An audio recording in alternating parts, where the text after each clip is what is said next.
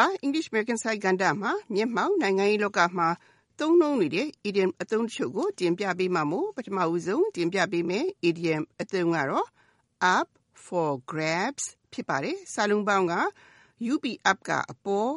for for ကအတွက် grabs grabs ကလူယူတာဖမ်းယူတာဆွဲယူတာဖြစ်ပြီးစကားခုံရဲ့ဓာတ်ရိုက်အဓိပ္ပာယ်ကဖမ်းယူဖို့လူယူဖို့အဆင်သင့်ဖြစ်နေတာကိုဆိုလိုတာဖြစ်ပါတယ်ပ စ္စည်းတစ်ခုခုကိုအပေါ်ကိုပစ်လိုက်တယ်ဆိုရင်အဲ့ဒီပစ္စည်းဟာဘယ်လိုအောက်ကိုပြုတ်ကျလာမလဲဆိုတာကိုမှန်းရခက်တယ်လို့ဘယ်သူကအဲ့ဒီပစ္စည်းကိုလက်ထဲဖမ်းယူနိုင်မလဲဆိုတာကလည်းမသိကြပါဘူးဒီသဘောပါပဲအလုတ်ကိုင်းတွေမှာအလုတ်လျှောက်ကြရင်ဘယ်သူကအလုတ်ရမယ်ဆိုတာကိုအသေးချာမသိတာရွေးကောက်ပွဲဝင်ရမှာဆိုရင်လည်းဘယ်သူကအနိုင်ရမယ်လို့တတ်အမပြောနိုင်တဲ့အခြေအနေမျိုးမှာဒီအသုံးကိုရည်ညွှန်းပါတယ်။ idiom ဆိုတဲ့ the white ဒီပဲကတော့ အခြေအနေတစ်ခုခုနဲ့ပတ်သက်လို့ဘယ်လိုဖြစ်လာမလဲဆိုတာကိုကြိုတင်ခံမှန်းရခက်တာကိုဆိုလိုပါတယ်။ကျမတို့မြန်မာမှာတော့အဖြေဘယ်လိုထွက်လာမလဲဆိုတာကိုကြိုမပြောနိုင်တဲ့အတွက်ကြောင့်ရသူယူဥသူယူထိုက်သူယူစ조사တဲ့သူယူဆိုတဲ့သဘောမျိုးဖြစ်ပါတယ်။ဒီအသုံးကိုနိုင်ငံတော်တရားရုံးချုပ်တရားသူကြီး Anthony Kennedy အနားယူခဲ့တဲ့အတွက်ရှေးရိုးစွဲ conservative 9ဦးနဲ့ liberal 4ဦးတို့ပါဝင်တဲ့ တရားသူကြီး9ဦးရှိတဲ့ နိုင်ငံတော်တရားရုံးချုပ်ရဲ့ ဆုံးဖြတ်ချက်တွေမှာ နှစ်ဖက်စလုံးကိုမျှပြီး မဲပေးလေရှိတဲ့ တရားသူကြီး Kennedy အနားယူခဲ့တဲ့အတွက် WJLA သတင်းမီဒီယာက ideological tiff of the Supreme Court up for grabs နိုင်ငံတော်တရားရုံးချုပ်ရဲ့ အတွေးခေါ်အယူဆတွေ ဘယ်ဘက်ရိမ့်မယ်ဆိုတာကို ကြိုတင်ခမန်းရခဲ့နေပြီဆိုတဲ့ခေါင်းကြီးနဲ့ ရေးသားခဲ့တာဖြစ်ပါတယ်။ ဒီသုံးနဲ့ပတ်သက်တဲ့ဥပမာကိုလေ့လာကြည့်ကြရအောင်ပါ။ I don't know who will get the job. It's up for grabs. အဲ့ဒီလူကိုဘယ်သူရမလဲဆိုတာကျွန်တော်မသိဘူး။ခမန်းရခက်ပါတယ်ဗျာလို့အဓိပ္ပာယ်ရပါတယ်။ခုဆက်လက်တင်ပြပေးမှာကတော့ swing voter ဖြစ်ပါတယ်။စာလုံးပေါင်းက swing swing ကလွှဲတာရိမ့်တာ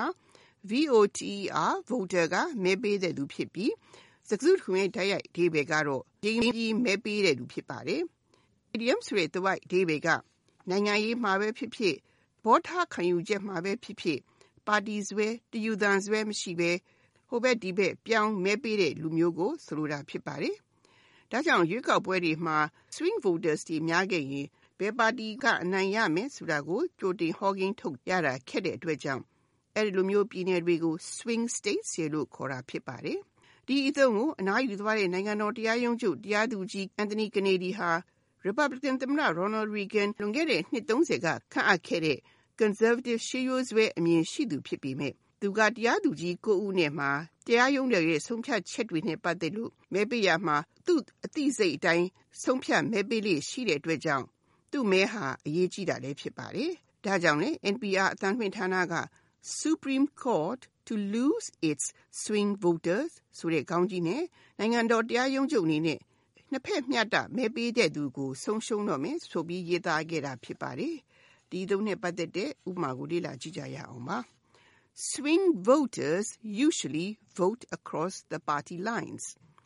ဘယ်လိုမဲပေးမလဲဆိုတာကိုကြိုတင်ခန့်မှန်းရခက်တဲ့မဲဆန္ဒရှင်တွေဟာပါတီစွဲကင်းပြီးမဲပေးလေရှိကြတယ်လို့အဓိပ္ပာယ်ရပါတယ်။ ခုနောက်ဆုံးတင်ပြပေးမယ့် idiom အသုံးကတော့ front runner ဖြစ်ပါတယ်။စာလုံးပေါင်းက front front ကအရှေ့ runner runner ကပြေးနေသူဖြစ်ပြီးစကားစုတခုရဲ့တိုက်ရိုက်အဓိပ္ပာယ်ကတော့ရှေ့ကပြေးနေသူဖြစ်ပါတယ်။ဒီအသုံးရဲ့ idiom အဓိပ္ပာယ်ကရှင်းပါတယ်။ရွေးကောက်ပွဲတွေမှာအနိုင်ရဖို့အခြေအနေအကောင်းဆုံးလူအလုတ်ခန့်ရမှာဆိုရင်လေ အလုတ်ခန့်ခံရဖို့အလားအလာအရှိဆုံးလူကိုဆိုလိုတာဖြစ်ပါတယ်။ကျမတို့မြန်မာဘန်စကားမှာတော့ရှေ့ကတစ်ပြေးနေသူလို့ဆိုရင်မှားပါဘူး။ဒီအသုံးကိုဇလိုင်လကိုမှနားယူတော့မယ်လို့ကြီးညာခဲ့တဲ့နိုင်ငံတော်တရားရုံးချုပ်တရားသူကြီးကနေဒီရဲ့နေရာမှာအစားထိုးခန့်အပ်ဖို့တစ်ပြေးနေသူတွေနဲ့ပတ်သက်လို့ New York Times သတင်းစာကြီးက The front runners and full list of potential Supreme Court nominees